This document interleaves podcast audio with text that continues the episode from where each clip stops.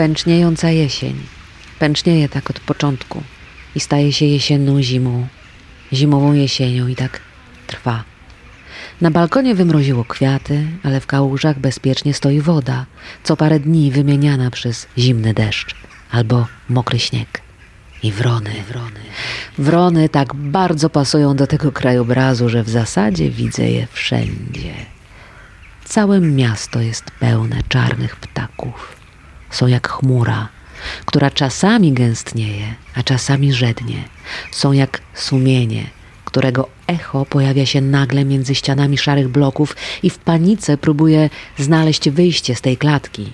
Z tej klatki. Z tej klatki.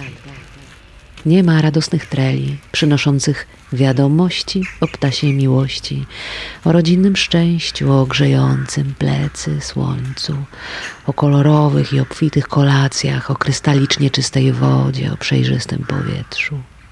A i tak wiem, dlaczego nie odpuszczam. Dlaczego sunę przez ten wroni pejzaż, ubrana w żółtą czapę i mocno zieloną kurtkę? Otóż nie czekam, aż ktoś przyniesie mi, położy pod nogi, wyszepcze w ucho. Jasny dzień, chmurę motyli, śpiew słowika. Taką dobrą, naprawdę dobrą wiadomość nie czekam. To ja jestem tą wiadomością. To ja jestem tą wiadomością. Tak jak i ty.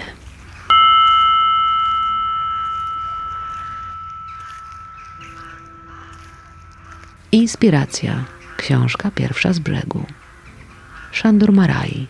Sindbad wraca do domu, strona 33, wydawnictwo Czytelnik. Zdanie z kluczowym tu pytaniem brzmi. Ten hotel stał niedaleko budańskich gorących źródeł i przemieszkiwali tam całymi miesiącami samotni odludkowie, sensaci i dziwacy, którzy rankiem sami nie wiedzieli, dlaczego właściwie nie powiesili się wczoraj na klamce, której i tak nie naciśnie nikt przynoszący list czy radosną wieść.